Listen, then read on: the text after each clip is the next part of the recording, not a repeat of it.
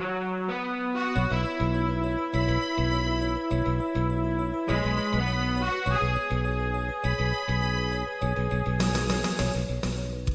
listening to Radio Free Asia. The following program is in Khmer.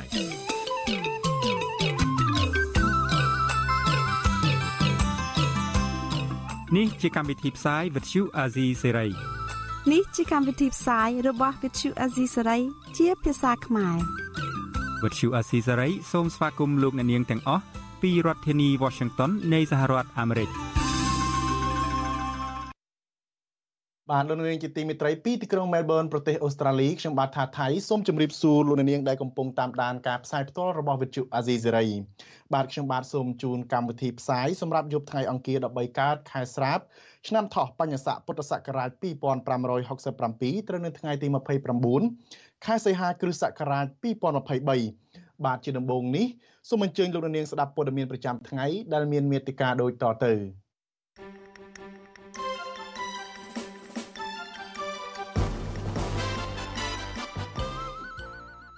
លោកហ៊ុនម៉ាណែតប្រកាសថាមេដឹកនាំប្រទេសជាច្រើនទទួលស្គាល់រដ្ឋាភិបាលរបស់លោក លោកហ៊ុនម៉ាណែតបារម្ភខ្លាចខ្មាស់គេពេលមកចូលរួមមហាសន្និបាតអង្គការសហប្រជាជាតិកម្មករថាបរដ្ឋមន្ត្រីក្រសួងការងារថ្មីលោកហេងសួរមិនចោលចរិតចាស់ទេបញ្ហារំលោភសិទ្ធិការងារនឹងនៅតែបន្តកើតមានវេទិកាវិទ្យុអាស៊ីសេរីនៅយប់នេះយើងនឹងពិភាក្សាជុំវិញបញ្ហាតែងតាំងថៅកែក្រុមហ៊ុន Nagavel ជាទីប្រឹក្សារដ្ឋាភិបាលរួមនឹងព័ត៌មានសំខាន់សំខាន់មួយចំនួនទៀត បាទលោកនាងជាទីមេត្រីជាបន្តទៅនេះខ្ញុំបាទថាថៃសូមជូនព័ត៌មានពិស្ដារដូចតទៅ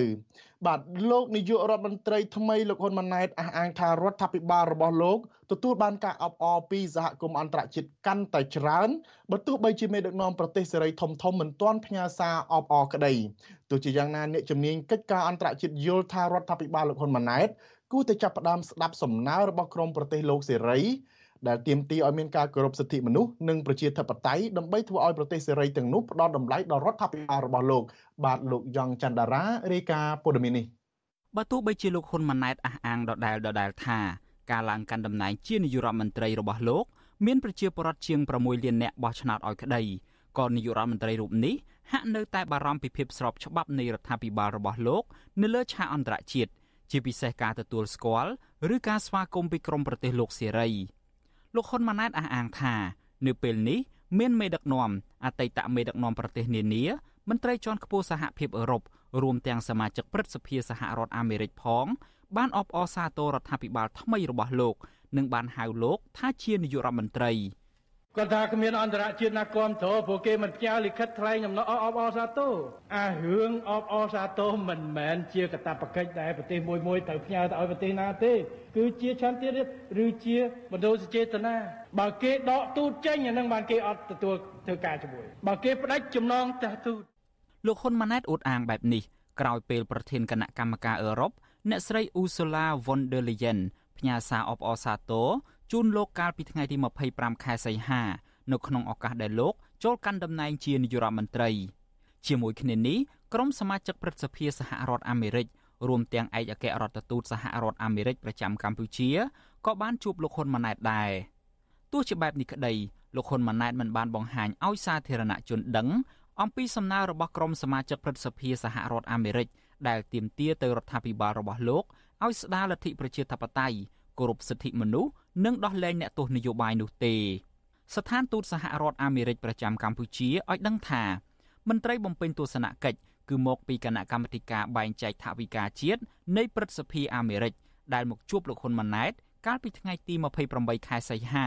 បានជំរុញទៅរដ្ឋាភិបាលលោកហ៊ុនម៉ាណែតឲ្យបើកឡើងវិញនូវលំហសេរីភាពពលរដ្ឋនិងប្រព័ន្ធផ្សព្វផ្សាយឯករាជ្យធ្វើឲ្យមានវឌ្ឍនភាពលើលទ្ធិប្រជាធិបតេយ្យនិងការគោរពសិទ្ធិមនុស្សដោយធានាថា ប្រជាពលរដ្ឋកម្ពុជាទាំងអស់អាចចូលរួមបានដោយសេរីនៅក្នុងដំណើរការនយោបាយ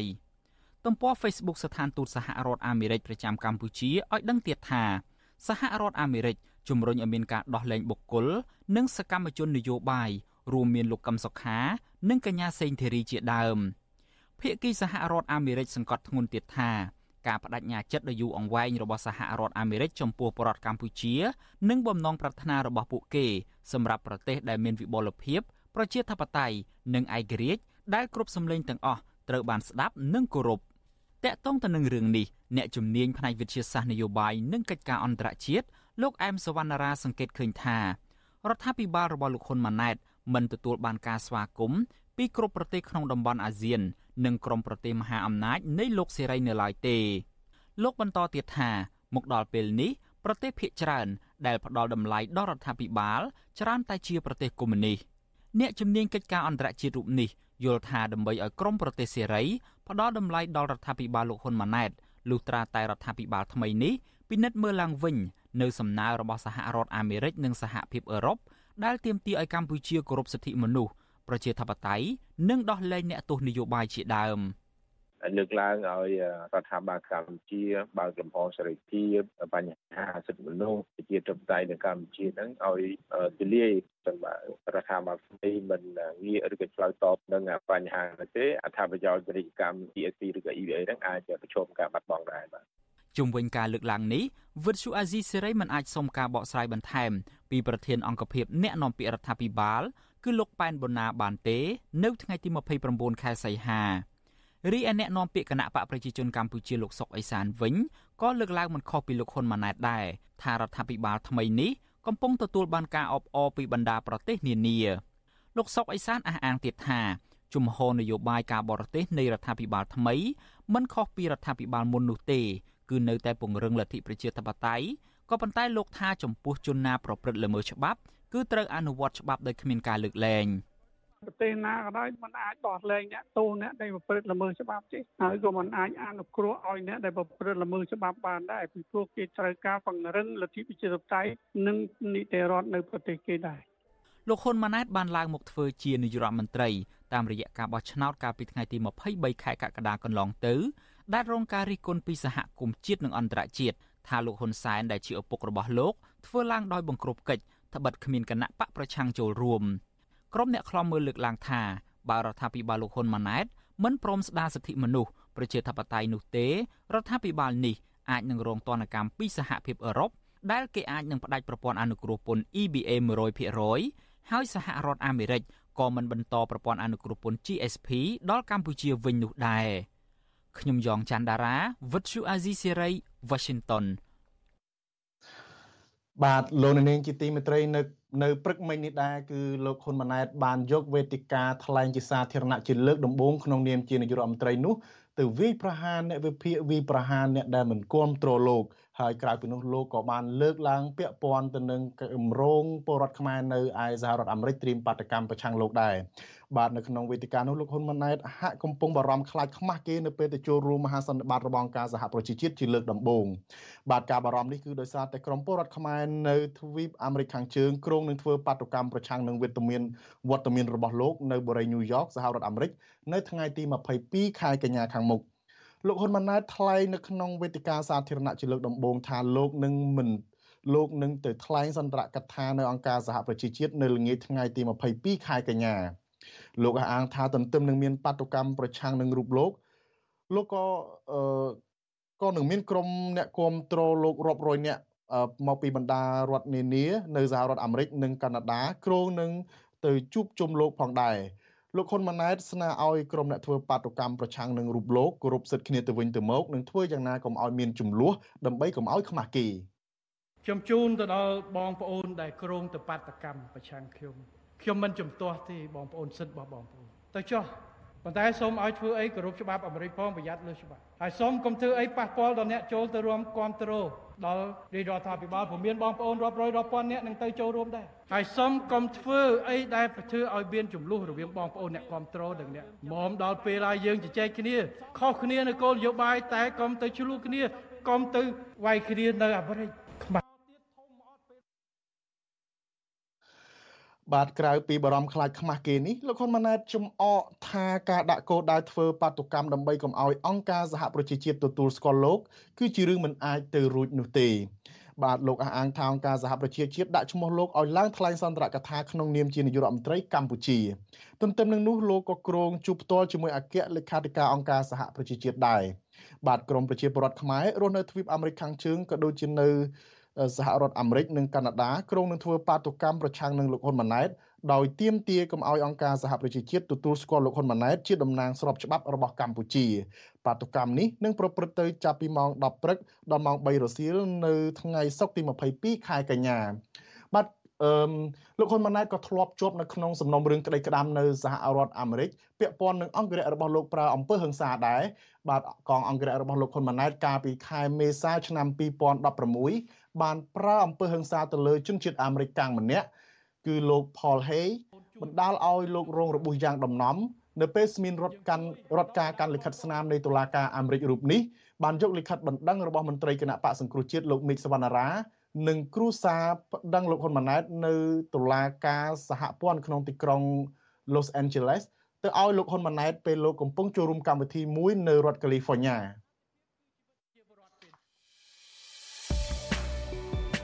កម្មវិធី Vithu Azizi ស្រីសម្រាប់ទូរស័ព្ទដៃអាចឲ្យលោកអ្នកនាង អានអត្ថបទទស្សនាវីដេអូនិងស្ដាប់ការផ្សាយផ្ទាល់ដោយឥតគិតថ្លៃនិងដោយគ្មានការរំខានដើម្បីអាននិងទស្សនាមេតិការថ្មីថ្មីពី Vithu Azizi ស្រីលោកអ្នកនាងគ្រាន់តែចុចបាល់កម្មវិធីរបស់ Vithu Azizi សេរីដែលបានដំឡើងរួចរាល់លើទូរស័ព្ទដៃរបស់លោកអ្នកនាង ប្រសិនបើលោកអ្នកនាងចង់ស្ដាប់ការផ្សាយផ្ទាល់ឬការផ្សាយចាស់ចាស់សូមចុចលើប៊ូតុងរូប Vithu ដែលស្ថិតនៅផ្នែកខាងក្រោមនៃកម្មវិធីជាការស្រេច។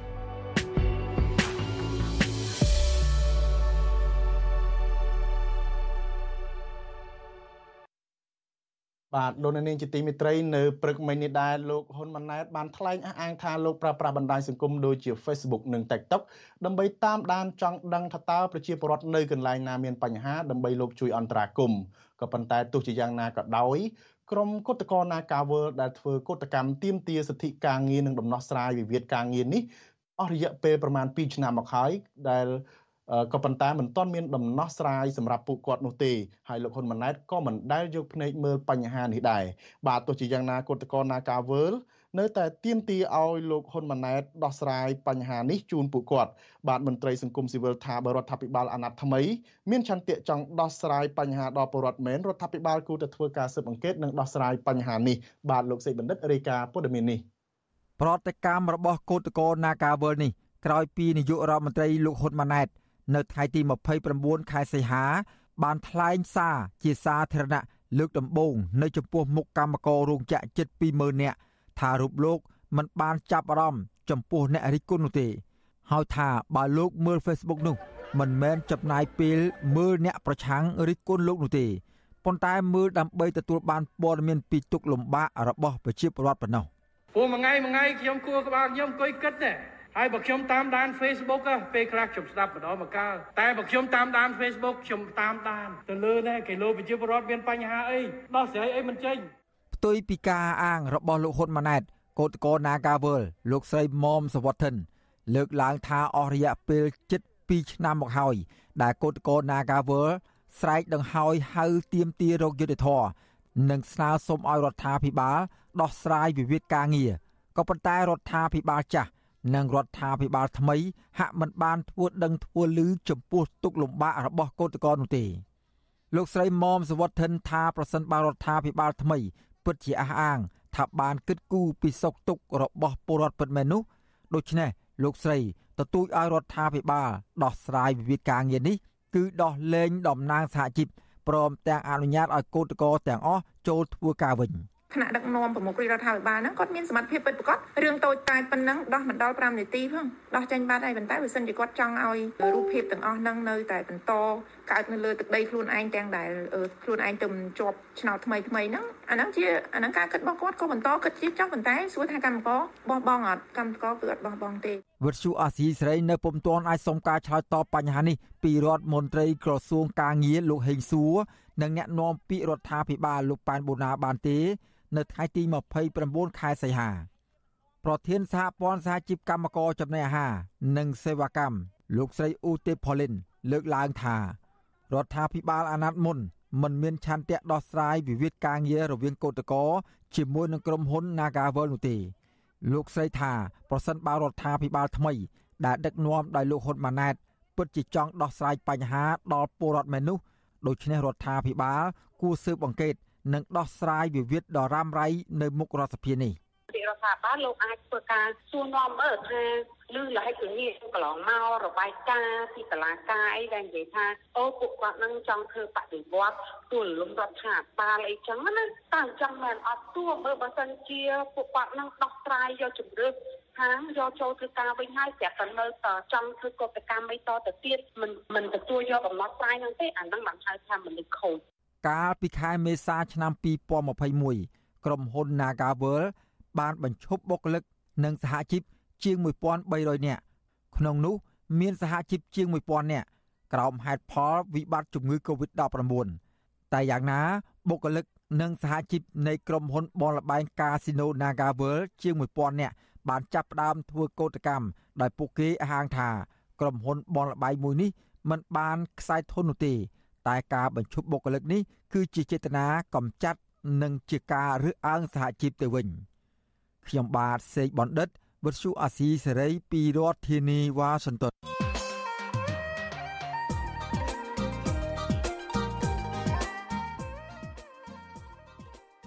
បាទវិវាទការងាររវាងកម្មករនិងថៅកែក្រុមហ៊ុន Nagavel បានអូសបន្លាយពេលជិត2ឆ្នាំហើយដោយពុំមានដំណោះស្រាយទេ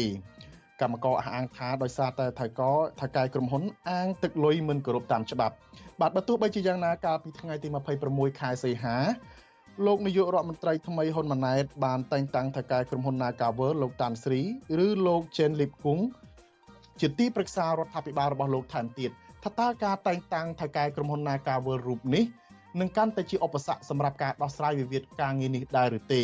បាទសូមលោកនាងរងចាំស្ដាប់វេទិកាអ្នកស្ដាប់វិទ្យុអាស៊ីសេរីនៅយប់ថ្ងៃអង្គារទី29ខែសីហានេះបាទវាគ្មិនរបស់យើងរួមមានគុតកោណាការវើលម្នាក់គឺកញ្ញាសៀកបញ្ញានិងប្រធានគ្រប់គ្រងកម្មវិធីការងារនៃអង្គការសង្ត្រាល់លោកខុនថារ៉ូបាទប្រសិនបើលោកនាងចង់សាកសួរវាគ្មិនរបស់យើងឬក៏បញ្ចេញមតិយោបល់សូមលោកនាងដាក់លេខទូរស័ព្ទនៅក្នុងខ្ទង់ comment ឬ Facebook ឬ YouTube វិទ្យុអាស៊ីសេរីរបស់វិទ្យុអាស៊ីសេរីក្រុមការងាររបស់យើងនឹងហៅទៅលោកអ្នកនាងវិញ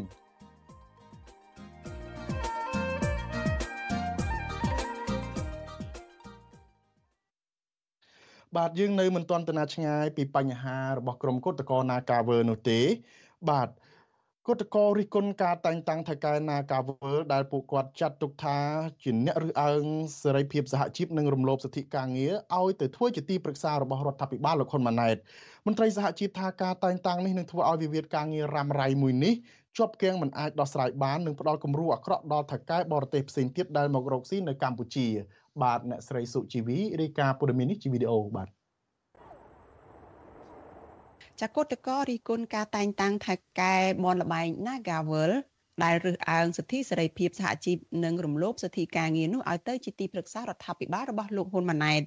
ចាមន្ត្រីសហជីពថាការតែងតាំងនេះនឹងធ្វើឲ្យវិវាទការងាររ៉ាំរ៉ៃនៅឯក្រុមហ៊ុន Nagavel នេះជាប់គាំងមិនអាចដោះស្រាយបាននិងផ្ដល់គំរូអាក្រក់ទៅដល់ថៃកែបរទេសផ្សេងទៀតដែលមករកស៊ីនៅកម្ពុជា ចការរីគុណនេះក្រោយពេលដែលព្រះមហាក្សត្រតែងតាំងថៅកែក្រុមហ៊ុនបនលបៃ Nagavel លោកតាំងស្រីឬក៏លោកចេនលីបគង់ចាស់ជាទីប្រឹក្សារដ្ឋាភិបាលទៅតាមការស្នើសុំរបស់លោកហ៊ុនម៉ាណែត កាលពីថ្ងៃទី26ខែសីហាកន្លងទៅនេះតំណាងគឧតកោ Nagavel លោកស្រីមុំសវត្ថិនប្រាប់វិទ្យុអាស៊ីសេរីនៅថ្ងៃទី28ខែសីហាថា ការតែងតាំងលោកតាំងស្រីដែលកំពុងតែជាប់ឈ្មោះរំលោភសិទ្ធិកម្មករបែបនេះនឹងបណ្ដាលឲ្យការរំលោភសិទ្ធិកម្មករនៅកម្ពុជាកាន់តែកើនឡើង។ បងបងយល់ថាការបន្តតែងតាំងទៅកែណាកាវើជាមន្ត្រីជាន់ខ្ពស់របស់រដ្ឋាភិបាលហ្នឹងបងគិតថាវារឹតតែធ្វើឲ្យណាកាវើណាកាវើថាកែហ្នឹងរឹតតែមានអំនួតហើយបន្តរំលោភហើយមិនដោះស្រាយតែម្ដងបងមើលឃើញអញ្ចឹងណាព្រោះគាត់អាងថាគាត់ធ្វើខុសយូរហើយគ្មានអ្នកណាមកហ៊ានក្អកជាមួយគាត់អីអញ្ចឹងណាហើយមើលឥឡូវហ្នឹងគាត់បានអំណាចនៅក្នុងដៃទៀតអញ្ចឹងវាជាភាពងាយស្រួលដែលគាត់អាចនឹងបន្តរំលោភទៀតមិនដោះស្រាយរាយចាវិទ្យុអាស៊ីសេរីពុំអាចតេតងแนะនាំពាក្យរដ្ឋាភិបាលចាលោកប៉ែនបូណាដើម្បីសុំការឆ្លើយតបចំពោះ ពោះបញ្ហានេះបាននៅឡើយទេនៅថ្ងៃទី28ខែសីហានេះ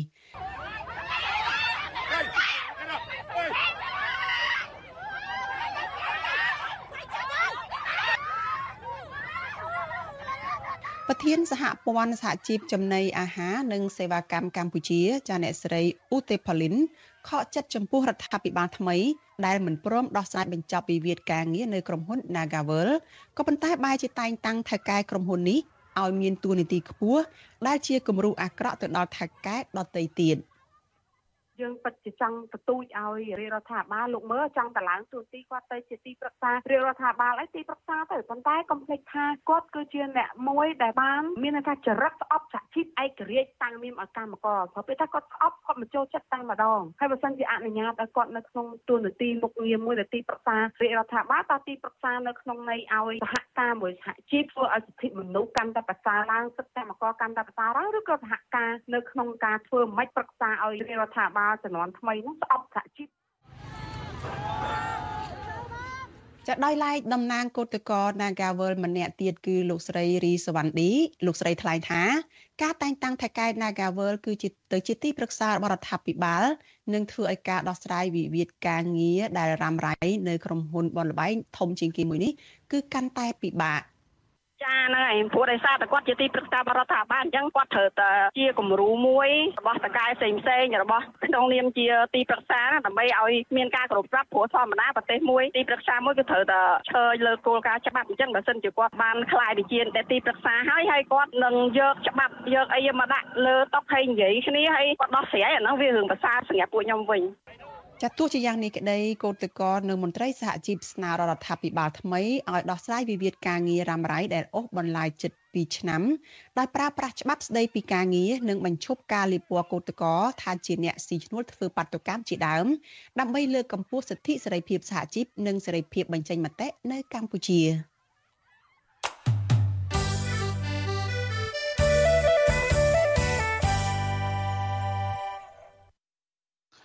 បាទលោកនាងជាទីមេត្រីលោកនាងទើបបានស្ដាប់ព័ត៌មានប្រចាំថ្ងៃដែលជម្រាបជូនដល់ខ្ញុំបាទថាថៃបាទជាបន្តទៅនេះសូមអញ្ជើញលោកនាងស្ដាប់វេទិកាអ្នកស្ដាប់នៅរាត្រីនេះដូចតទៅ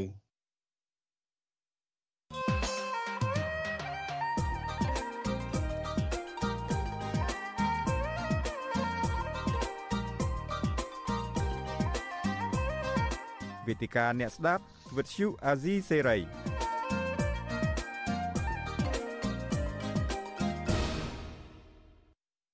បាទលោកនាងជាទីមេត្រីវេទិកាអ្នកស្ដាប់វិទ្យុអាស៊ីសេរីនៅរាត្រីនេះយើងនឹងជជែកពិភាក្សាថាតើការតែងតាំងថៅកែក្រុមហ៊ុន Nagavel ជាទីប្រឹក្សារបស់រដ្ឋាភិបាលលោកហ៊ុនម៉ាណែតនោះនឹងកាន់តែជាឧបសគ្គសម្រាប់ការដោះស្រាយវិវាទការងារដែរឬទេដោយលោកនាងបានដឹងហើយថាវិវាទក្រុមហ៊ុន Nagavel នេះបានអូសបន្លាយរយៈពេលជិត2ឆ្នាំទៅហើយ ហើយมันមានដំណោះស្រាយនោះទេដោយកម្មករជាច្រើនបានរងនៅអំពើហិង្សាការគំរាមកំហែងការចាប់ដាក់ពន្ធនាគារនិងការជាប់បណ្ដឹងនៅក្នុងប្រព័ន្ធតុលាការជាដើម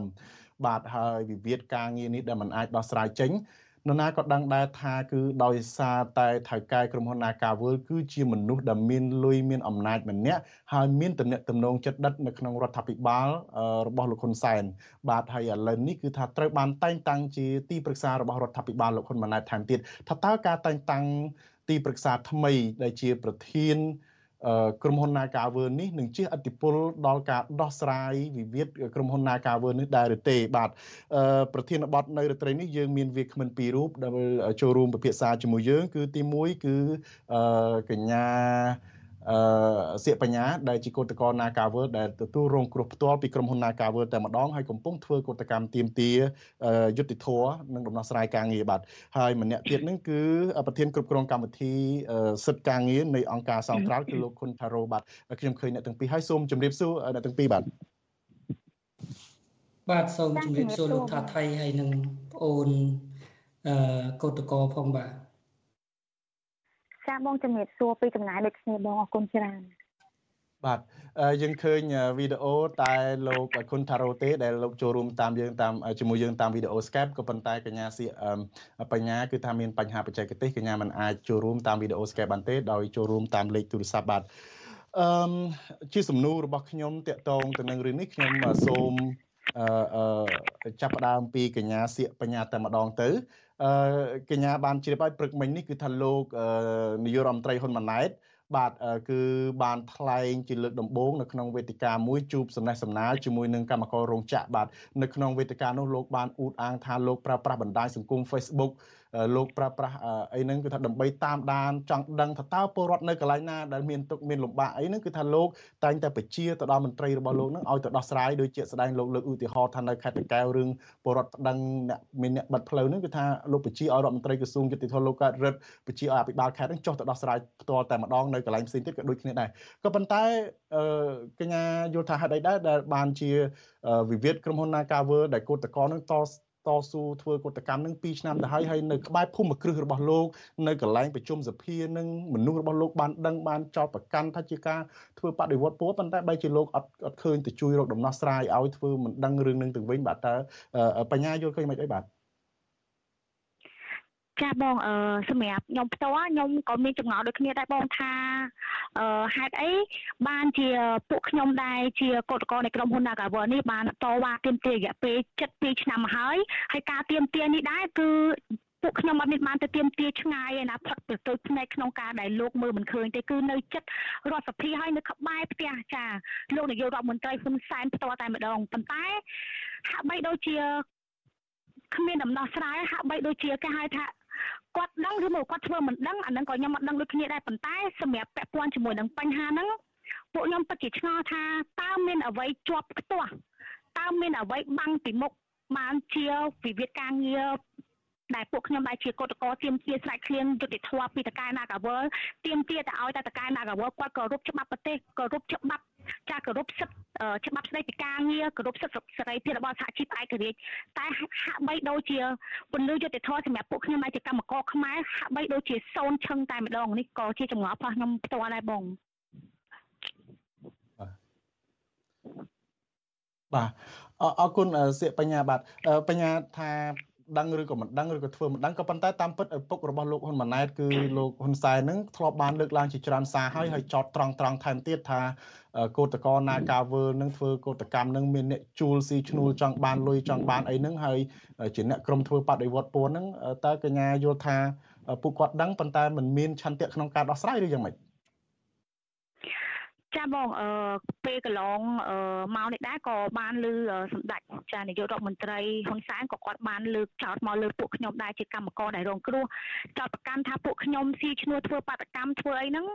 វាជារឿងមួយដែលថាពួកខ្ញុំមិនអាចទទួលយកបានហើយក៏ពួកខ្ញុំក៏សូមច្រានចោលនៅការដែលចោតប្រកាន់ដែលគាត់ជាថ្នាក់ដឹកនាំបែរជាមកចោតប្រកាន់កម្មករខ្មែរប្រជាពលរដ្ឋខ្មែរដែលជាកូនជាចៅរបស់គាត់ផ្ទាល់ បែរទៅជាការពីតកែបរទេសដែលគេកំពុងតែរំលោភបំពានសិទ្ធិការងារកម្មករខ្មែរនេះសម្រាប់ខ្ញុំផ្ទាល់គឺខ្ញុំរងគ្រោះខ្ញុំអាចរងនៅភាពអយុត្តិធម៌ហើយខ្ញុំទទួលរងនៅភាពអយុត្តិធម៌ពីថ្នាក់ដឹកនាំខ្លួនឯងទៀតហើយពាក់ព័ន្ធនឹងដែលការពួកគាត់ចោទថាពួកខ្ញុំស៊ីឈ្នួលធ្វើបាតកម្មធ្វើបដិវត្តពោអីផ្សេងផ្សេងហ្នឹងអាហ្នឹងខ្ញុំមិនដឹងថាគាត់លឺដោយសារតែការណែនាំពាក្យរបស់គាត់គេហៅថាអ្នកដែលនាំពាក្យគេហៅថាមិនមែននាំពាក្យនាំរឿងល្អទេគឺនាំពាក្យនាំរឿងមិនពិត គឺជាអ្នកដែលថានាំនាំតែរឿងខ្ញុំគិតថាបើសិនជាគាត់ចង់ដឹងថាពួកខ្ញុំមកធ្វើកតកម្មស៊ីឈ្នួលមិនស៊ីឈ្នួលគាត់អាចចង់មកសួរពួកខ្ញុំផ្ទាល់បានហើយគាត់មានដៃជើងអ្នកនាំពាក្យគាត់ច្រើនណាក្រសួងពាក់ព័ន្ធអីផ្សេងទៀតមានច្រើនណាគាត់អាចចង់មកសួរពួកខ្ញុំបានព្រោះពួកខ្ញុំធ្វើកតកម្មនៅមុខក្នុងក្រុមហ៊ុន Nagawal រៀងរាល់សប្តាហ៍អញ្ចឹងការចោទប្រកាន់ខ្ញុំគិតថាការគាត់ គាត់ដឹងប៉ុន្តែហាក់បីដូចជាមិនរយុទ្ធធម៌មកឲ្យកម្មករខ្មែរតែបែរទៅជាចោតវាជារឿងមួយដែលគេហៅថាអាម៉ាស់ហើយជារឿងមួយដែលខ្ញុំជាប្រជាពលរដ្ឋខ្មែរដែលជាកម្មកររងគ្រោះគឺខ្ញុំទទួលយកបាននេះបាទបញ្ញាតាមពិតទៅលោកហ៊ុនសែនមិនត្រឹមតែអឺចោតអាស៊ីឈ្នួលទេគឺចោតដល់បដិវត្តពណ៌ទេប៉ុន្តែការធ្វើកតកម្មនេះយើងឃើញគ្រប់គ្នាថា រយៈពេល2ឆ្នាំនេះដូចឃើញចោតនឹងថាជាក្រុមធ្វើបដិវត្តពប៉ុនប៉ងព្រួរំលំរដ្ឋាភិបាលហើយក៏ប៉ុន្តែទីបំផុតទៅយើងឃើញកតកោណាការវើនឹងចេះតែទុនខ្សោយដូចថាសឹងតែដាច់ខ្យល់ទៅហើយបាទអត់មានលុយគ្មានកាក់អីទេរងថ្ងៃនេះទៅដករស់តែម្ដងហើយនៅតែបន្តទៀមទាសិទ្ធនឹងទៅវិញបាទចាបងអឺពាក់ព័ន្ធត្រង់ចំណុចនឹងដែរចង់និយាយថា ពួកខ្ញុំរាល់ថ្ងៃនេះបើសិនជាគាត់ចោទថាពួកខ្ញុំស៊ីឈ្នួលធ្វើបាតកម្មធ្វើអីកន្លែងបើកលុយគាត់ច្បាស់កន្លែងបើកលុយសូមឲ្យគាត់ជួយប្រាប់ពួកខ្ញុំផងព្រោះពួកខ្ញុំអត់មានលុយមានកាក់ពួកខ្ញុំខ្វះលុយអញ្ចឹងខ្ញុំចង់ដឹងកន្លែងបើកលុយហ្នឹងឲ្យច្បាស់ស្រួលខ្ញុំទៅបើកដែរចាមិនមែននិយាយថាកន្លែងបើកលុយបើកលុយតា ខាងគេអ្នកដែលគេគេគេនេះផ្សេងដល់ពេលពួកខ្ញុំជាកោតកោពួកខ្ញុំរងថ្ងៃរស់នៅទាំងតដោចាគេបំបិតសេដ្ឋកិច្ចសពបែបយ៉ាងទាំងអស់អ្នកខ្លះទៀតចាគាត់ដល់ថ្នាក់គាត់ទៅបោះសម្អាតផ្ទះគេអ្នកខ្លះគាត់ទៅសម្អាតអ្នកខ្លះទៅមើលឆ្កែអ្នកខ្លះទៅមើលកូនឲ្យគេដូចខ្ញុំផ្ទាល់ ខ្ញុំបាត់បង់ការងារខ្ញុំមានរបរតិចតួចលក់តាមអនឡាញតិចតួចខ្ញុំរត់ delivery ខ្លួនឯងខ្លះអីខ្លះដើម្បីបន្តដំណើរទៀមទាសិទ្ធិការងារជាមួយនឹងតកែណាកាវលតែបែរជាពួកខ្ញុំទទួលរងការចោទប្រកាន់ឲ្យពួកខ្ញុំរស់នៅរងថ្ងៃគឺខ្វះខាតខ្លាំងមែនទែនហូប អាហារ3ពេលដូចគេដែរប៉ុន្តែក្នុងអាហារ3ពេលនោះគឺវាគ្មានសង្ឃថាគ្មានជីវជាតិណារស់ប្រឹងដើម្បីទៀមទាសិទ្ធិការងារពីតកែណាកាវលឯងគាត់ជាតកែដែលមានលុយវល់លៀនណាវាមិនមែនជារឿងការវាមិនមែនជារឿងងាយស្រួលសម្រាប់ពួកខ្ញុំទាំងអស់គ្នាដែលជាកម្មករខ្មែរទេបាទបាទណែលោកហ៊ុនសែនធ្លាប់បានលើកឡើងថាលោកចាំមើលថាតើនឹងមានការតស៊ូនឹងទៀមទាធ្វើកោតកម្មនឹងដល់ពេលណាបាទពីព្រោះលោកក៏នឹងរងចាំមើលដែរ អឺក៏ប៉ុន្តែគណៈកោណាកាវើនឹងចង់ឲ្យមានដំណោះស្រាយអឺឥឡូវនេះបញ្ញាយើងឃើញថាមិនត្រឹមតែអឺរដ្ឋាភិបាលកម្ពុជានឹងចាត់វិធានការអ្វីមួយទៅលើក្រុមហ៊ុន Nagavel ទេថែមទាំងមានការលើកទឹកចិត្តទៅដល់ក្រុមហ៊ុនឬក៏តកែ Nagavel នឹងថែមទៀតគឺលោកតាន់ស្រីឬមានឈ្មោះមួយទៀតហៅថា Chen Lipking អឺ ដែលជាតកែក្រុមហ៊ុន Nagavel នឹងត្រូវបានតែងតាំងឲ្យខ្លាយជាទីប្រឹក្សារបស់រដ្ឋាភិបាលលោកហ៊ុនម៉ាណែតថ្មីនឹងគឺតាមសំណើរបស់លោកហ៊ុនម៉ាណែតតែម្ដងហើយយើងឃើញនៅក្នុងទីប្រឹក្សារដ្ឋាភិបាលនឹងគឺមានរហូតដល់ចំនួន363នាក់ហើយក្នុងនោះក៏មានលោកតាន់ស្រីនឹងដែរជាអឺ លោកស្ថិតនៅលេខរៀងទី86ក្នុងចំណោមទីប្រឹក្សា363នាក់ហ្នឹងគឺច្រើនមែនទែនទីប្រឹក្សាហ្នឹងហើយបើបូកនឹងទីប្រឹក្សានាយករដ្ឋមន្ត្រីផ្ទាល់ទៀតគឺលោកហ៊ុនម៉ាណែតទៀត104ហើយជំនួយការនាយករដ្ឋមន្ត្រី70នាក់ទៀតវាឡើងជាង500នាក់បាទសឹងថាលេងចាំឈ្មោះទៅហើយអឺក៏ប៉ុន្តែយ៉ាងណាក៏ដោយនៅមានទីប្រឹក្សាពីក្រុមហ៊ុន Nagawal តើការក្រុមហ៊ុន Nagawal បញ្ញាយល់ថានៅពេលដែលលោកហ៊ុនម៉ាណែត ទៅតែងតាំងប្រធានក្រុមហ៊ុន Nagawel តកែក្រុមហ៊ុន Nagawel ជាទីប្រឹក្សាបែបនេះអាចមានការបារម្ភថាវាកាន់តែខ្លាយជាឧបសគ្គធំថែមទៀតក្នុងការស្វែងរកដំណោះស្រាយទេពីព្រោះឥឡូវនេះលោកមិនត្រឹមតែមានលុយទេឥឡូវហ្នឹងដែលគេចោទថាអាចមានទំនាក់ទំនងឥឡូវនេះគឺថាលោកនៅជាមួយអ្នកមានអំណាចរដ្ឋាភិបាលហ្នឹងយកទៅគៀកខ្លួនតែម្ដងបើជាជាអ្នកមានអំណាចតែម្ដងតើតើមានការបារម្ភឬក៏មានយោបល់យ៉ាងម៉េចដែរបាទ ចាបងសម្រាប់ខ្ញុំជាប្រជាពលរដ្ឋខ្មែរមួយរូបហើយក៏ជាកោតកោនៃក្រុមហ៊ុន Nagawer ដែលរងគ្រោះមួយរូបពួកខ្ញុំពិតជាគេហៅថាមិនយល់ថាហេតុអីបានជាថកែ Nagawer ចាគាត់ជាអ្នករំលោភបំពានសិទ្ធិការងារកម្មករខ្មែរគេហៅថាលំដាប់ថ្នាក់ពិភពលោកតែម្ដងរំលោភសិទ្ធិការងារកម្មករខ្មែរស្មើនឹងរំលោភសិទ្ធិមនុស្ស ចាប្រចាំប្រទេសកម្ពុជាតែបែរជា ត្រូវបានតែងតាំងជាទីប្រឹក្សាផ្ទាល់របស់ចានាយករដ្ឋមន្ត្រីថ្មីទៀតចាហើយពីមុនមកក៏តែងតាំងគាត់ជាទីប្រឹក្សាដែរអញ្ចឹងវាគេហៅថាជារឿងមួយដែលពួកខ្ញុំព្រួយបារម្ភខ្លាំងមែនទែនព្រោះកាលពីមុនគាត់មិនទាន់សូវមានសិទ្ធិអំណាចខ្លាំងផងគាត់នៅគេហៅថាមិនគោរព ច្បាប់នៃប្រទេសកម្ពុជាឥឡូវដល់ពេលគាត់មានសិទ្ធិអំណាចមានជាគេហៅថាទីប្រឹក្សាផ្ទាល់របស់ចារដ្ឋាភិបាលទៀតអញ្ចឹងគឺវាមើលឲ្យឲ្យច្បាស់ថាកម្មករនៃក្រុមហ៊ុន Nagawal ររមិនឃើញពីពលិយុតិធម៌រមិនឃើញសោះតែម្ដងអញ្ចឹងហើយពាក់ព័ន្ធជាមួយនឹងការតែងតាំងលោកអឺតាំងស្រីលោកអឺតកែ Nagawal ធ្វើជាទីប្រឹក្សាផ្ទាល់របស់នាយករដ្ឋមន្ត្រី វាសបង្ហាញឲ្យឃើញថាតើនាយករដ្ឋមន្ត្រីគាត់គ្រប់គ្រងថៅកែដែលរំលោភសិទ្ធិការងារកម្មករខ្មែរដែលមិនគោរពច្បាប់នៃប្រទេសកម្ពុជាយកទៅធ្វើទីប្រឹក្សាឬមួយក៏យ៉ាងម៉េចខ្ញុំអត់ដឹងថាការតែងតាំងហ្នឹងប្រមុខរដ្ឋគាត់បានដឹងគាត់បានស៊ើបពីសៅបដារបស់តកែណាកាវើនឹងដែរឬមួយក៏អត់ទេព្រោះរឿងករណីការរំលោភសិទ្ធិ ការងាររបស់កម្មករខ្មែរในក្រុមហ៊ុន Nagawer នេះវាសុខសាយទូទាំងប្រទេសទៅហើយចុះហេតុអីក៏យកអ្នកដែលរំលោភបំពានសិទ្ធិការងារកម្មករខ្មែរអ្នកដែលរំលោភសិទ្ធិចាសេរីភាពរបស់សហជីពទៅធ្វើជាទីប្រឹក្សាទៅវិញអានឹងវាជារឿងមួយដែលពួកខ្ញុំកង្វល់ខ្លាំងមែនទែនវាធ្វើវាដូចជារឿងមួយដែលហៅថាជាគំរូអាក្រក់ទៅដល់តកែផ្សេងផ្សេងទៀត ដែលគាត់មករស់ស៊ីលើទឹកដីខ្មែរហើយគាត់ជាជនជាតិបរទេសគាត់មិនគោរពច្បាប់នៃប្រទេសកម្ពុជាគាត់រំលោភសិទ្ធិទាំងធ្ងន់ធ្ងរហើយបែរជាយកគាត់ធ្វើជាទីប្រឹក្សាអានេះវាជាគេហៅថាជារឿងមួយដល់គេហៅថាមិនល្អសម្រាប់ពួកយើងដែលជាកម្មករខ្មែរជាជាពលរដ្ឋខ្មែរបង បាទបាទអរគុណបញ្ញាបាទបាទយើងកំពុងជជែកពិភាក្សាតកតងទៅនឹងការតែងតាំងប្រធានក្រុមហ៊ុន Nagavel ជាទីប្រឹក្សារបស់រដ្ឋាភិបាលថ្មីលោកហ៊ុនម៉ាណែតប្រសិនបើលោកនាងអ្នកស្ដាប់ចង់បានចង់បញ្ចេញយោបល់ឬក៏ចង់សួរសំណួរវាគ្មិនកិត្តិយសរបស់យើងលោកនាងអាចផ្ញើសារជាសំណួរចូលទៅក្នុងបណ្ដាញសង្គមរបស់វិទ្យុអាស៊ីសេរីក្រុមការងាររបស់យើងនឹងតាកតងទៅលោកនាងវិញបាទមុននឹងទៅដល់លោកគុណថារោខ្ញុំសូមសួរសំណួរទៀតទៅបញ្ញាកញ្ញាសៀកបញ្ញាបញ្ញាដឹងហើយថាមនុស្សកលឹះដែលមិនដែលជាអ្នករៀបរៀងសំខាន់ក្នុងការស្វែងរកដំណោះស្រាយវិវាទក្រុមហ៊ុន Nagawer នេះគឺថាមិនមែនតែទូអង្គប្រធានក្រុមហ៊ុន Nagawer ទេតាមពិតគឺស្ថាប័នរដ្ឋនឹងដែរ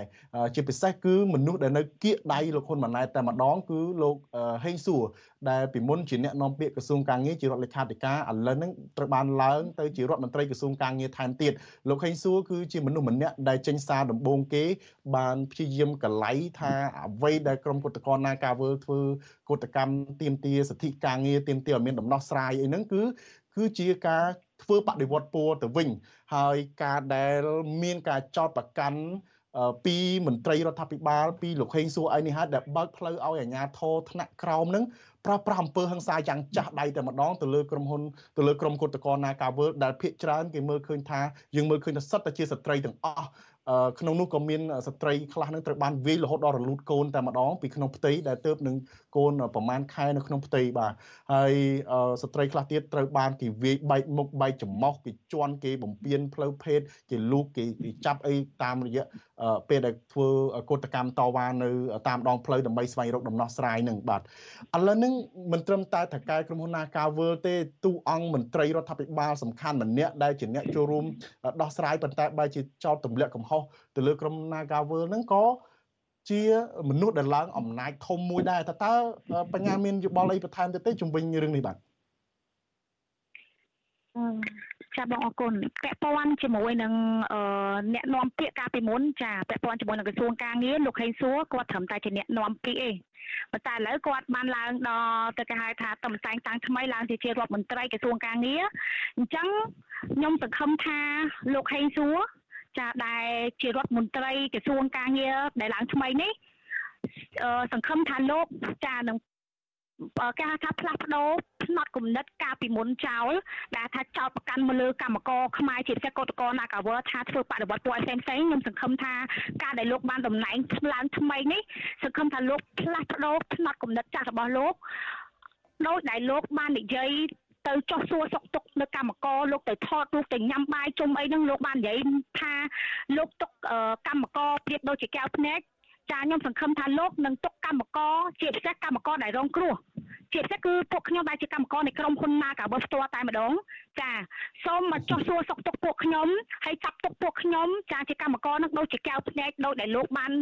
និយាយជាមួយនឹងកម្មករផ្សេងផ្សេងទៀតដែលបានចោះទៅហូបបាយហូបអីជាមួយគេហ្នឹងណាចាហើយបើសិនជាលោកចាប់ទុកកម្មករដូចជាកែវភ្នែកអញ្ចឹងសូមលោកហេងសួរហ្នឹងណាឲ្យគាត់ចាដោះស្រាយវិវាទការងារនៅក្នុងក្រុមហ៊ុន Nagawer ដោយយកច្បាប់ស្តីពីការងារច្បាប់ឬអធិជីពមកឲ្យដាក់ទុកចរចាឲ្យតកែ Nagawer ក៏រូបច្បាប់ស្តីពីការងារក៏រូបសិទ្ធិសេរីភាពរបស់អធិជីពចាបើសិនជាលោកហេងសួរអត់យកច្បាប់ស្តីពីការងារអត់យកគេហៅថាការរើឲ្យសហជីពចូលទុកចរចាជាមួយនឹងតំណាងកម្មករទេប្រៀបបីដូចជាលោកចានិយាយថាលោកចាប់ទុកកម្មករជាកែវភ្នែកបើលោកមិនដោះស្រាយគឺធ្វើឲ្យភ្នែកលោកហេងសួរឈឺមិនមែនជាកែវភ្នែកទេគឺធ្វើឲ្យភ្នែកលោកនឹងទៅឈឺវិញហើយអញ្ចឹងបើសិនជាលោកដោះស្រាយវិវាទការងារនៅក្នុងក្រុមហ៊ុន Nagaworld ដូចខ្ញុំបញ្ជាក់អញ្ចឹងបើសិនជាលោកហេងសួរពិតជាមានសមត្ថភាព ដោះស្រាយដោះស្រាយដោយយុត្តិធម៌ហើយដោយយកច្បាប់ដោយយកច្បាប់ស្តីពីការងារច្បាប់គឺឲ្យសហជីពចូលតុកចរចាជំរុញឲ្យតកែណាក៏គោរពច្បាប់នៃប្រទេសកម្ពុជានឹងហើយចាដោយពាក្យសម្ដីដែលលោកនិយាយថាលោកទុកកម្មករដូចជាកៅភ្នែកតែបើសិនជាលោកមិនដោះស្រាយដូចខ្ញុំនិយាយចឹងថាគឺលោកចា បាទអរគុណបញ្ញាអឺនឹងបញ្ញាបានលើកឡើងថាប្រសិនបើលោកហេងសួរនឹងចាត់ទុកកម្មករជាកែវភ្នែកមែនដោយការដែលលោកទៅយកចិត្តយកថ្លើមកម្មករក្រោយពេលជាប់ឆ្នោតហ្នឹងក្រោយពេលបានអំណាចហ្នឹងគឺថាត្រូវតែដោះស្រាយបញ្ហាជូនកម្មករ Nagawer ហ្នឹងឥឡូវនេះខ្ញុំចង់ងាកមកលោកខុនថារ៉ូវិញលោកខុនថារ៉ូគឺជាមន្ត្រី គ្រប់គ្រងសិទ្ធិការងារនៃអង្គការសង្ត្រាល់លោកបានតាមដានករណីនេះដែរលោកខុនថារ៉ូយល់យ៉ាងម៉េចដែរទូអង្គកន្លឹះ2ដែលធ្វើឲ្យមានបញ្ហាដោះស្រាយវិវាទការងារនៅក្នុងក្រុមហ៊ុន Nagavel មិនបានចេញនេះគឺថៅកែក្រុមហ៊ុន Nagavel ត្រូវបានតែងតាំងជាទីប្រឹក្សាលោកហ៊ុនម៉ាណែតហើយលោកហេងសួរដែលធ្លាប់តែចោទប្រកាន់គឧតកោ Nagavel ថាជាក្រុមបដិវត្តពណ៌នឹងក៏ត្រូវបានតែងតាំងទៅជារដ្ឋ មន្ត្រីក្រសួងការងារថែមទៀតថាតើលោកមើលឃើញថារឿងរ៉ាវណាក្រមគុតកោណាកាវើនឹងនឹងចប់ទៅហើយទេឬយ៉ាងម៉េចដែរបាទបាទអរគុណច្រើនលោកថាថៃតកតងទៅនឹងការតែងតាំងជំនួយការរបស់នាយករដ្ឋមន្ត្រី ដែលមានតួលេខចំនួនច្រើនបើសិនជាយើងប្រៀបធៀបទៅនឹងអាណត្តិមុនច្រើនមែនទែនច្រើនជាងអាណត្តិមុនឆ្ងាយណាហើយករណីតកែ Nagawal នេះគាត់មិនមែនតែ ជាទីប្រឹក្សានៅក្នុងអាណត្តិទី7នេះទេគាត់ជាទីប្រឹក្សានៅអាណត្តិចាស់ហ្នឹងជាច្រើនអាណត្តិមកទៅហើយអញ្ចឹងខ្ញុំគិតថាចំណុចមួយនេះមិនចម្លែកទេដែលពាក់ព័ន្ធទៅនឹងរាជរដ្ឋាភិបាលអាណត្តិទី7នេះបានតែងតាំងគាត់ជាទីប្រឹក្សារបស់នាយករដ្ឋមន្ត្រីបញ្ហានៅត្រង់ថាតើតើទំហំនៃការតែងតាំងទីប្រឹក្សានោះដែលមិនយកប្រាក់កម្រៃនោះតើវានឹងអាចបំរើទៅដល់ផលប្រយោជន៍សាធារណៈប្រជាពលរដ្ឋ ទូទៅជាពិសេសប្រជាពលរដ្ឋក្រីក្រកម្មករនៅក្នុងសេដ្ឋកិច្ចប្រព័ន្ធក្រៅប្រព័ន្ធទាំងអស់នៅក្នុងប្រជាណាចក្រកម្ពុជាចំណុចមួយនេះខ្ញុំចង់បញ្ជាក់ដែរថាបើយើងគិតអំពីថេរវិលានៃដំណើរការនៃការស្វែងរកយុត្តិធម៌របស់កោតក្រនៅក្រុមហ៊ុន Nagawer នេះខ្វះតែ4ខែមានន័យថាចិត្តចូល3ឆ្នាំហើយអញ្ចឹងបើសិនតែគិតទៅវាជាងពាក់កណ្ដាលអាណត្តិនៃរាជរដ្ឋាភិបាលអាណត្តិ ទីអាណត្តិមុនបាទអាណត្តិមុនអញ្ចឹងដំណើរការនៃការស្វែងរកយុត្តិធម៌នេះវាគឺជាដំណើរការមួយដែលលំបាកហើយចំណុចនេះហើយខ្ញុំនឹងលើកបន្តិចទៀតតកតងតើវាមានទំនាស់អំណាចឬក៏ទំនាស់ផលប្រយោជន៍បែបម៉េចនៅក្នុងករណីដែលតកាយក្រុមហ៊ុនដែលមានអធិបុលមានអំណាចត្រូវបានតែងតាំងជាទីប្រឹក្សារបស់រដ្ឋាភិបាលចំណុចនេះខ្ញុំចង់បញ្ជាក់បន្តិចថា យុត្តិធម៌សង្គមស្ថិរភាពនៅក្នុងសង្គមក៏ដូចជាសន្តិភាពនៅក្នុងសង្គមវាមានសារៈសំខាន់ណាស់ហើយនៅក្នុងន័យនេះមានន័យថាយុត្តិធម៌គឺមានសារៈសំខាន់ណាស់សម្រាប់មនុស្សគ្រប់រូបយុត្តិធម៌នៃទី1គឺការអនុវត្តច្បាប់យុត្តិធម៌មានន័យទី2មានន័យថាពលរដ្ឋគ្រប់រូបមានសិទ្ធិទទួលបាននៅយុត្តិធម៌ចំពោះមុខច្បាប់មិនថាជានាយករដ្ឋមន្ត្រីមិនថាអ្នកដែលមានអធិបុលមានអំណាច ជាពលរដ្ឋសាមញ្ញទូទៅ គឺគាត់មានសិទ្ធិស្មើគ្នាចំពោះមុខច្បាប់ចឹងន័យនេះវាមានសារៈសំខាន់ណាស់នៅក្នុងបរិបទប្រទេសកម្ពុជានៅក្នុងការលើកកម្ពស់ឲ្យមាននៅការគោរពសិទ្ធិមនុស្សឲ្យមានការគោរពនៅនីតិរដ្ឋលុបបំបាត់នៅនីតិរដ្ឋភាពនៅក្នុងប្រទេសកម្ពុជានៅក្នុងករណី Nagawal នេះដល់ពីពេលបច្ចុប្បន្ននេះយើងឃើញថាមានបណ្ដឹងព្រំប្រទាន ប្រមាណជា3ករណីប្រឆាំងទៅនឹងមេដឹកនាំសហជីពរួមទាំងបណ្ដឹងរដ្ឋប្រវេណីមួយតាក់ទងទៅនឹងក្រុមហ៊ុន Nagawal ដែលប្តឹងទាមទារសំណងការខូចខាតកំឡុងពេលនៃការធ្វើកោតកម្មអញ្ចឹងបើសិនជាយើងពិនិត្យមើលអំពីវិវាទការងារដែលកើតការឡើងប៉ុន្តែតុលាការ មានន័យថាតុលាការក្នុងសំណុំរឿងនេះតុលាការបានចាត់ការលឿនណាស់ទៅលើបណ្ដឹងរបស់ក្រុមហ៊ុនក៏ប៉ុន្តែបណ្ដឹងរបស់ក្រុមគឧតកោ Nagavel ដែលទទួលរងនឹងការធ្វើទុកបុកម្នេញបែរជាធៀបទុកចោលមួយឡែកបែរជាតុលាការហាក់ដូចជាចាត់ចែងលឿនមែនទែនដូចជាយល់ចិត្តយល់ថ្លើមណាស់តកែក្រុមហ៊ុន Nagavel នេះបាទបាទចំណុចនៅក្នុងនេះបើយើងគិតអំពីលំហូរនៃអង្គហេតុហើយនឹងព្រឹត្តិការណ៍ដែលកើតមានឡើងនៅក្នុងរយៈពេល73ឆ្នាំមួយនេះបើសិនជា តាមអ្វីដែលយើងបានកត់ត្រាទុកវាចូលចិត្តពីទំព័រនៃផុសតាងនៃអំណះអំណាងអង្គហេតុព្រឹត្តិការណ៍ដែលកើតមានឡើងចំពោះកោតកោដែលគាត់ទាមទាររកយុត្តិធម៌អញ្ចឹងនៅក្នុងចំណុចនេះដែលយើងមើលឃើញថាករណីវិវាទការងារនៅក្រុមហ៊ុន Naga World នេះហើយនឹងដំណើរការនៃការស្វែងរកយុត្តិធម៌នេះយើងមើលឃើញថាវាគឺជាការរំលោភសិទ្ធិមនុស្សនិងសិទ្ធិការងារជាលក្ខណៈប្រព័ន្ធយ៉ាងធ្ងន់ធ្ងរ ហើយចំណុចមួយនេះដោយលោកថាថៃបានបញ្ជាក់ពីដើមអញ្ចឹងគឺយើងដឹងហើយថាសហជីពគឺជានីតិបុគ្គលដែលមានការទទួលស្គាល់ត្រឹមត្រូវទៅក្នុងអាការអនុវត្តនៃសកម្មភាពរបស់ខ្លួននៅក្នុងការការពារសិទ្ធិរបស់កម្មករនិយោជិតនៅកន្លែងការងារផ្អែកតាមច្បាប់យើងឃើញការបញ្ឈប់មានលក្ខណៈគោលដៅនៅក្នុងការកំណត់គោលដៅច្បាស់លាស់ដើម្បីមិនឲ្យមានវត្តមានសហជីពឯករាជ្យនៅក្នុងក្រុមហ៊ុនជាពិសេសគឺការ ដករំលើងនៅសហជីពមិនឲ្យមានវត្តមានសហជីពយើងឃើញទម្រង់នៃការបដិសេធបញ្ជីការរបស់សហជីពដោយមិនទទួលស្គាល់ដោយក្រសួងការងារបញ្ហានៃការបង្កក់នៅភាគទានរបស់សហជីពដែលមិនអោយក្រុមហ៊ុន Nagawal បើកភាគទានសហជីពដែលជាភាគទានរបស់កម្មករនិយោជិតដែលជាភាគទានរបស់នីតិបុគ្គលការចោតប្រកាន់ពីសំណាក់តុលាការពីបទព្រំតនការគម្រាមកំហែងគ្រប់ទម្រង់គ្រប់រូបភាព ការពជាពេលនៃការដោះស្រាយវិវាទការងារការអូសបន្លាយរយៈពេលយូរជាដើមលក្ខនឹងលក្ខបាទលោកខុនតារ៉ូតើតើហេតុអីបានជាក្រុមហ៊ុន Nagavel ហាក់ដូចជាស្អប់ខ្ពើមសហជីពដែលគ្រាន់តែការពារសិទ្ធិកម្មករនឹងខ្លាំងម្លេះបាទដោយលើកលើកឡើងមិញហេតុផលនឹងគឺថាគោលបំណងគឺថាត្រូវតែកំទេចសហជីពឯករាជ្យនៅក្នុងក្រុមហ៊ុន Nagaver នឹងតែម្ដងបើផ្អែកទៅលើហេតុផលដែលក្រុមហ៊ុនលើកឡើងថាក្រុមហ៊ុនខ្សែធន គឺរបាយការណ៍ផ្សេងផ្សេងដែលគេចូលទៅមើលបានគ្រប់គ្នានឹងគឺអត់មានខ្សែធនទេក្រុមហ៊ុននៅតែចំណេញទោះបីក្នុងអំឡុង Covid ក៏ដោយបើថាក្រុមហ៊ុននឹងមិនត្រូវការកម្លាំងពលកម្មទេពីកម្មករទេក៏ប៉ុន្តែយ៉ាងណាក៏ដោយក្រុមហ៊ុនបានបណ្ដេញកម្មករចេញប៉ុន្តែរឹសកម្មករចូលរាល់តែថ្ងៃដូច្នេះតើតើហេតុផលអីដែលលោកមើលឃើញថាក្រុមហ៊ុនមួយនេះស្អប់ខ្ពើមសហជីពឯករាជ្យដែលគ្រាន់តែការពារសិទ្ធិកម្មករការពារផលប្រយោជន៍កម្មករនោះបាទ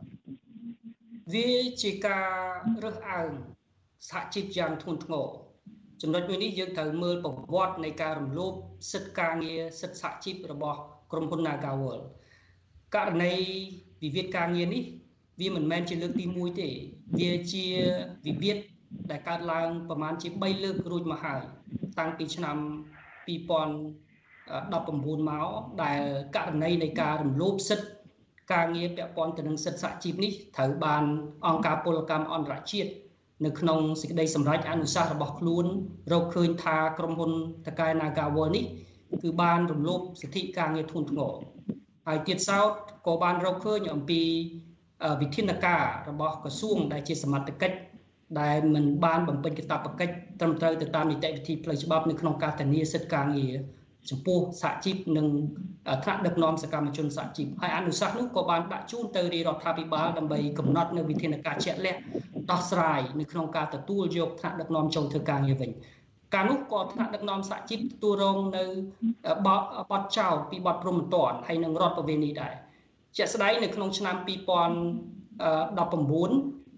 ក៏មានបញ្ហានៃការកាត់ឡើងកាត់ចេញមកពីការទីមទាតកតងទៅនឹង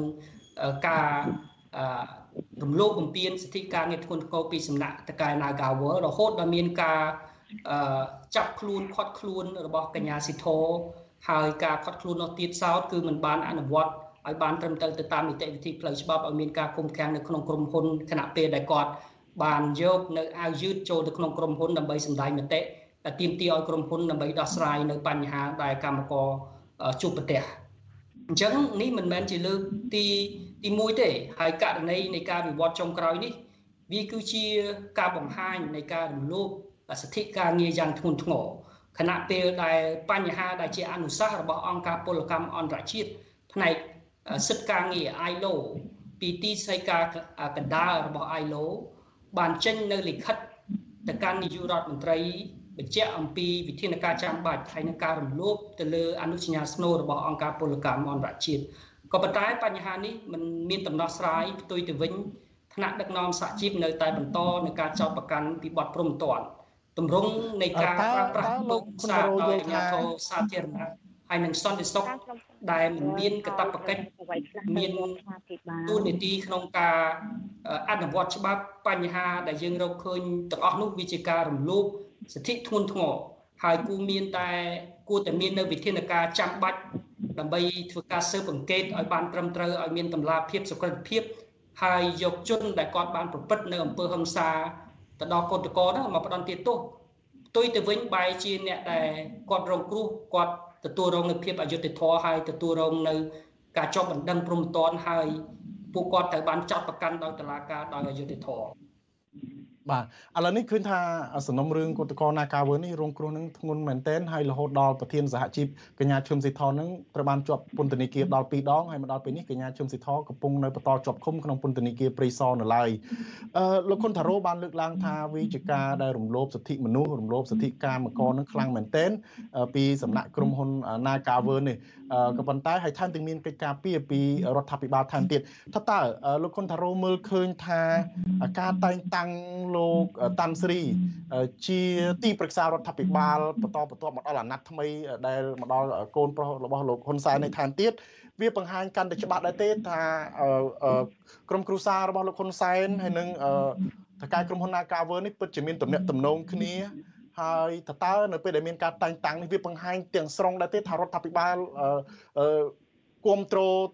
ទៅដល់ថៅកែក្រុមហ៊ុន Nagavel តែម្ដង បាទពីព្រោះកន្លងមកមានការយើងមើលឃើញថាអូអាចមានការ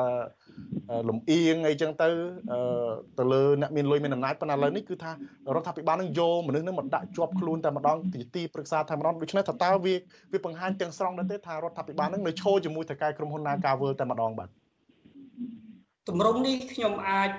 និយាយបានថាវាបង្កើតឲ្យមានតម្រងនៃទំនាស់ផលប្រយោជន៍ រវាងអាជ្ញាធរអនុវត្តច្បាប់ឬក៏រវាងដែនសមត្ថកិច្ចនៃអ្នកអនុវត្តច្បាប់ហើយវានឹងបង្កើតឲ្យមាននៅការរំលោភសិទ្ធិមនុស្សនិងសិទ្ធិការងារធ្ងន់ធ្ងរខ្ញុំគិតថាចំណុចនេះវាគឺជាគំរូអាក្រក់ទៅដល់នយោជកដែលមានអធិបុលមានអំណាចដតីទៀតដែលអាចបន្តនៅការអង្គុយលើច្បាប់ហើយវាបង្កើតនៅទម្រង់នៃនីតិរដ្ឋភាពហើយវាជាគំរូសម្រាប់នយោជកដែលមានអធិបុលមានអំណាចផ្សេងផ្សេងទៀតហ្នឹង គាត់នៅបន្តនៅក្នុងការប្រើប្រាស់នៅទម្រង់បែបហ្នឹងហើយខ្ញុំគិតថាចំណុចនេះវានឹងបង្កើតឲ្យមាននៅអសមភាពសង្គមធ្វើឲ្យមាននៅការឈឺចាប់និងភាពអយុត្តិធម៌នៅក្នុងសង្គមកើតឡើងណាហើយបញ្ហាទាំងអស់នេះហើយដែលយើងមើលឃើញថាវាគឺជាវិបត្តិសង្គមមួយធ្ងន់ធ្ងរហើយវប្បធម៌និតនភាពគឺវាបង្ហាញអំពីភាពកំសោយរបស់ស្ថាប័នអនុវត្តច្បាប់ហើយចំណុចមួយនេះគឺវាច្បាស់ណាស់ដែល មកដល់ពេលនេះយើងមើលឃើញថាក្រសួងការងារបានធ្វើការសម្របសម្រួលតាមយន្តការក្រៅប្រព័ន្ធអឺរយៈចំនួនប្រមាណជាខ្ញុំចាំមិនច្បាស់តួលេខទេប៉ុន្តែមិនក្រោម18លើកទេក៏ប៉ុន្តែអត់មានដំណោះស្រាយខ្ញុំមើលឃើញថាតម្រងបែបនេះវាគឺជាការពន្យាពេលហើយបញ្ហានេះ គឺវានឹងទទួលរងនៅសម្ពាធផ្នែកសេដ្ឋកិច្ចចំពោះកោតក្រដែលគាត់កំពុងតែទាមទាររោគនៃយុទ្ធធរ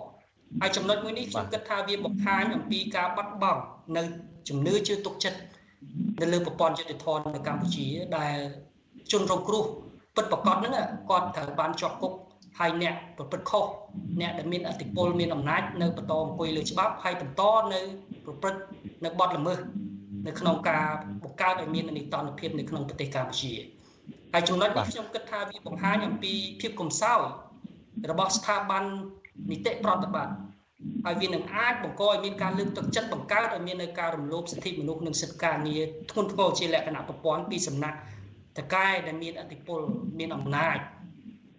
ហើយចំណុចមួយនេះខ្ញុំគិតថាអរគុណលោកគុណតារ៉ូបាទដោយសារតែពេលវេលាខ្លីខ្ញុំសូម